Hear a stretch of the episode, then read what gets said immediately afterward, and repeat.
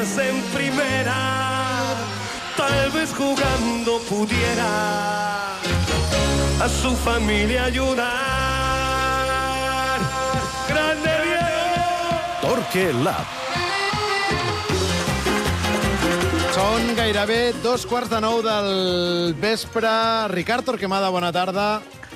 Bona tarda. El Ricard, que avui... Vaja, avui estàs un pèl alliberat de la, de la teva extenuant activitat eh, de, de Twitch. Tot, tot bé? Home, sí, sí, sí, he aprofitat bastant bé el dia, eh? Molt bé, no, no, i tant, ja, ja, ja et tocava. Bé, doncs el Ricard avui, que no té Twitch 24 hores, eh, eh, té un moment per eh, venir a, a dibuixar-nos, a explicar-nos per què estem veient un Antoine Griezmann un altre cop tan influent en aquest Mundial amb la seva selecció, mm. quan és un futbolista que no està fent una temporada per tirar coets amb l'Atlètic de Madrid i l'anterior encara menys, i que podríem convenir que la seva etapa al Barça va ser un, per no dir un fracàs, una decepció majúscula. Mm. Aviam, eh, potser aquesta temporada, l'Uri sempre, sempre diu que aquesta temporada probablement ha estat el millor jugador de l'Atlètic. Jo no he vist gaire jugar a l'Atlètic de Madrid amb prou el més determinant, segur, perquè quan, en aquella època que Simeone el treia al minut 62 es va tipar de, Exacte. de fer gols que van valer punts. Ara, És, eh, clar, el, el nivell de continuïtat que té el seu futbol en França, Ah, evidentment no. Exacte, també jugava els- l'última mitja hora, que probablement el partit estava ideal perquè ell marqués les diferències, però la veritat és que ha arribat en bona forma. Tot i això, jo crec que el, el gran canvi de Griezmann respon a un context eh, futbolístic, perquè, perquè Griezmann està tornant a brillar com va brillar fa 4 anys, però com no va brillar fa dos anys o un any i mig a l'Eurocopa. I jo crec que, que aquestes són, aquests són elements que ens han d'ajudar a interpretar què pot fer Griezmann a un terreny de joc, què sap fer, i segurament les químiques i els, i, i, i els contextos que té al voltant. No? Jo crec que és ideal per ell el, el que dibuixa França de mig camp cap endavant. És a dir, dos acceleradors com Mbappé i Dembélé, a qui ell els hi posa fre, eh, els activa o els frena o els regula, un jugador per davant com Giroud que li fixa els centrals i li genera molt espai entre línies justament per aparèixer en aquesta zona i fer la passada definitiva i després un equip que, que agraeix la seva solidari- solidaritat defensiva perquè normalment es passa més estona, diríem que treballant defensivament per recuperar i transitar que no pas per, per atacar. Eh, si, si repassem l'equip de fa un any i mig, on hi havia Benzema, Griezmann no va brillar. No va ser una bona Eurocopa, la de Griezmann, molt desplaçat a la banda dreta, perquè aleshores ja no podia jugar en aquesta zona on jugava Benzema, i és on es mou el, el davanter centre, desplaçat a la dreta, eh, treballant, diríem, en, en una zona més allunyada del, del trànsit i, i, i, i jo crec que, que això és bastant important per entendre Griezmann. Jo crec que Griezmann tinc moltes ganes, moltes ganes de veure el dimecres perquè serà el seu, diríem que el seu salt endavant. Si en un equip com, en un partit com, contra es Marroc, que no genera espai entre línies, on no pots rebre, on quan reps de seguida tens dos o tres jugadors que et, que et salten, eh, fa un bon partit, vol dir que, que ha transcendit més enllà del, dels contextos futbolístics que té al voltant, que on jo encara tinc algun dubte. Ara que dius que tens algun dubte respecte al context, eh, a, quina explicació hi trobes tu que mai en realitat vam acabar de veure aquest Griezmann que, per exemple, ara veiem al Mundial amb el Barça? perquè el Barça no juga gens com juga a França, però gens, vull dir... Tot i això hem de dir que algun partit de Griezmann bo per darrere del davanter, amb, per darrere de Suárez amb Messi vam veure, per exemple, aquell partit de Villarreal que va fer aquell golaç, mm, justament sí, sí. aquell dia jugava en aquesta zona. Jo crec que Griezmann se sent molt bé quan té un punt de referència que li genera espai i quan ell té tota aquesta zona de, mm, entre línies eh, central per prendre bones decisions. Si a tot això li dones que et jugues amb espais per davant, doncs fantàstic. Perquè on jo tinc algun dubte és que Griezmann sigui un futbolista capaç d'aparèixer molt en espais reduïts, de poder girar ràpid, eh, mm, fins i tot diria que de, de, d'arribar a l'últim terç de camp. O sigui, ell necessita estar a prop de l'àrea. No és un jugador com perquè, per exemple, en el context Barça, com dius, Sònia, pogués jugar d'interior, perquè el Barça a l'interior moltes vegades ve a rebre gairebé per darrere dels, de, de, de tota la resta de, del rival. eh, i ell necessita aparèixer a la zona transcendent, on pugui filtrar la passada, on pugui decidir quan buscar amplitud, quan buscar profunditat. Ell té una bona lectura del joc, però crec que una bona lectura del joc quan té molts espais eh, per davant i té companys que li ho permeten.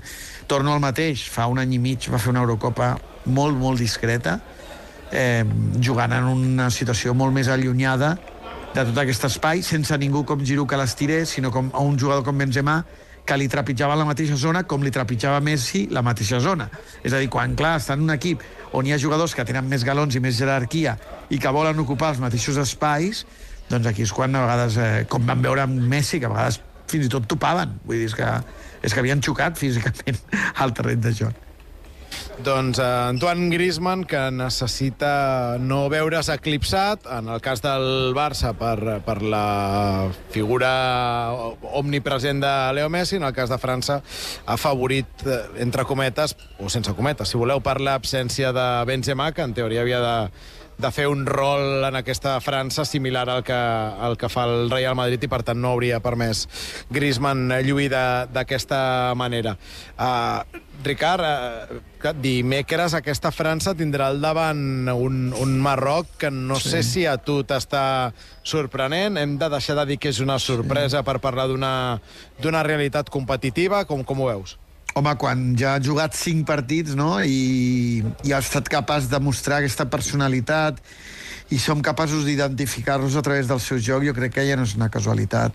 Jo, jo hi deia al Club de la Mitjanit que per mi era una selecció que jo vaig col·locar com a revelació, però que no m'esperava gens eh, aquest rendiment, perquè no me l'esperava tan, tan defensiva. O sigui, jo crec que té futbolistes molt alegres, capaços de, de jugar molt bé a futbol, de mig camp cap endavant, i me l'imaginava una miqueta més com fa 4 anys, però vaja, clarament han encertat eh, amb el que han escollit, ho, se senten supercòmodes.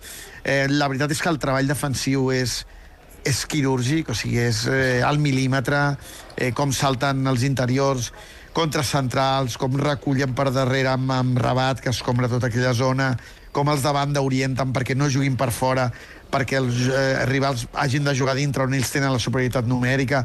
És a dir, tots aquests petits moviments els executen fantàsticament bé.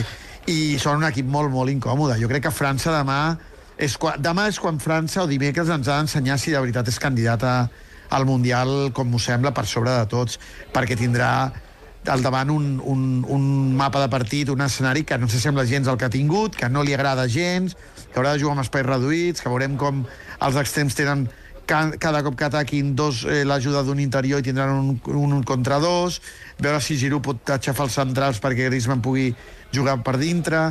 Eh, hauran de ser molt més delicats un equip que el que li agrada és tenir metres per devorar, és a dir, espai per mostrar la seva superioritat física que, que contra el Marroc serà, haurà de ser més aviat tècnica i tàctica.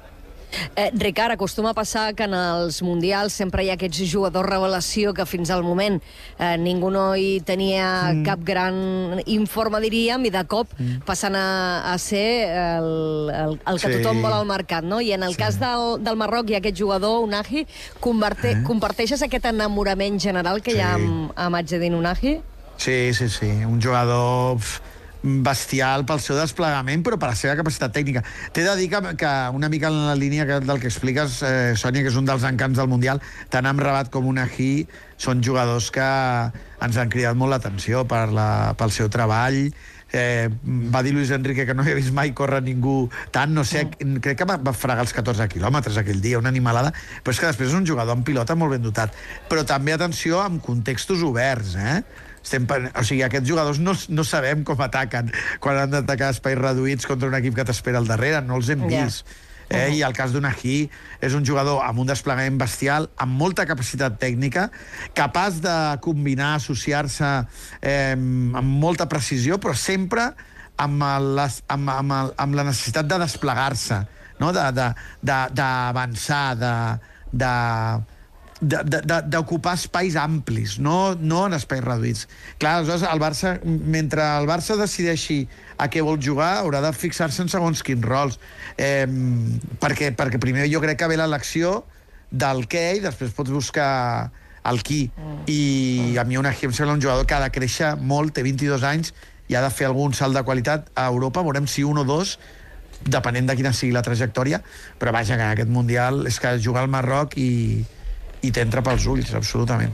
Ho dèiem abans, els mundials són tan curts que és fàcil eh, enamorar-se de jugadors que després veurem quina evolució tenen, però certament aquest Unagi l'hem descobert tots plegats ara, Luis Enrique inclòs, i, i té un desplegament eh, defensiu i físic impressionant.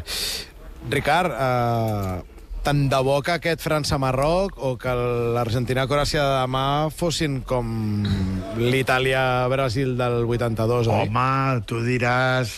Però això ja això queda 40 anys enrere. Em sembla que el futbol era un altre esport. Eh? Doncs ho, hem, ho estem eh, revisitant, ho estem eh, I actualitzant. Bernat Soler, bona tarda. Bona tarda, bona tarda. Fa El- 40 anys i, i era un futbol diferent i ara vaig a cometre un pecat, o no? Però vaja, ho deixo anar. I potser era millor. El futbol de fa 40 anys. No, però, però una cosa, és que si el, el jo Bernat aquest demanes mundial, jo per la música mundial de fa de 40 Qatar anys, no he també. vist jo en aquest Mundial de Qatar no he vist un partit com el Brasil-Itàlia del 82. Bé, segons el rècord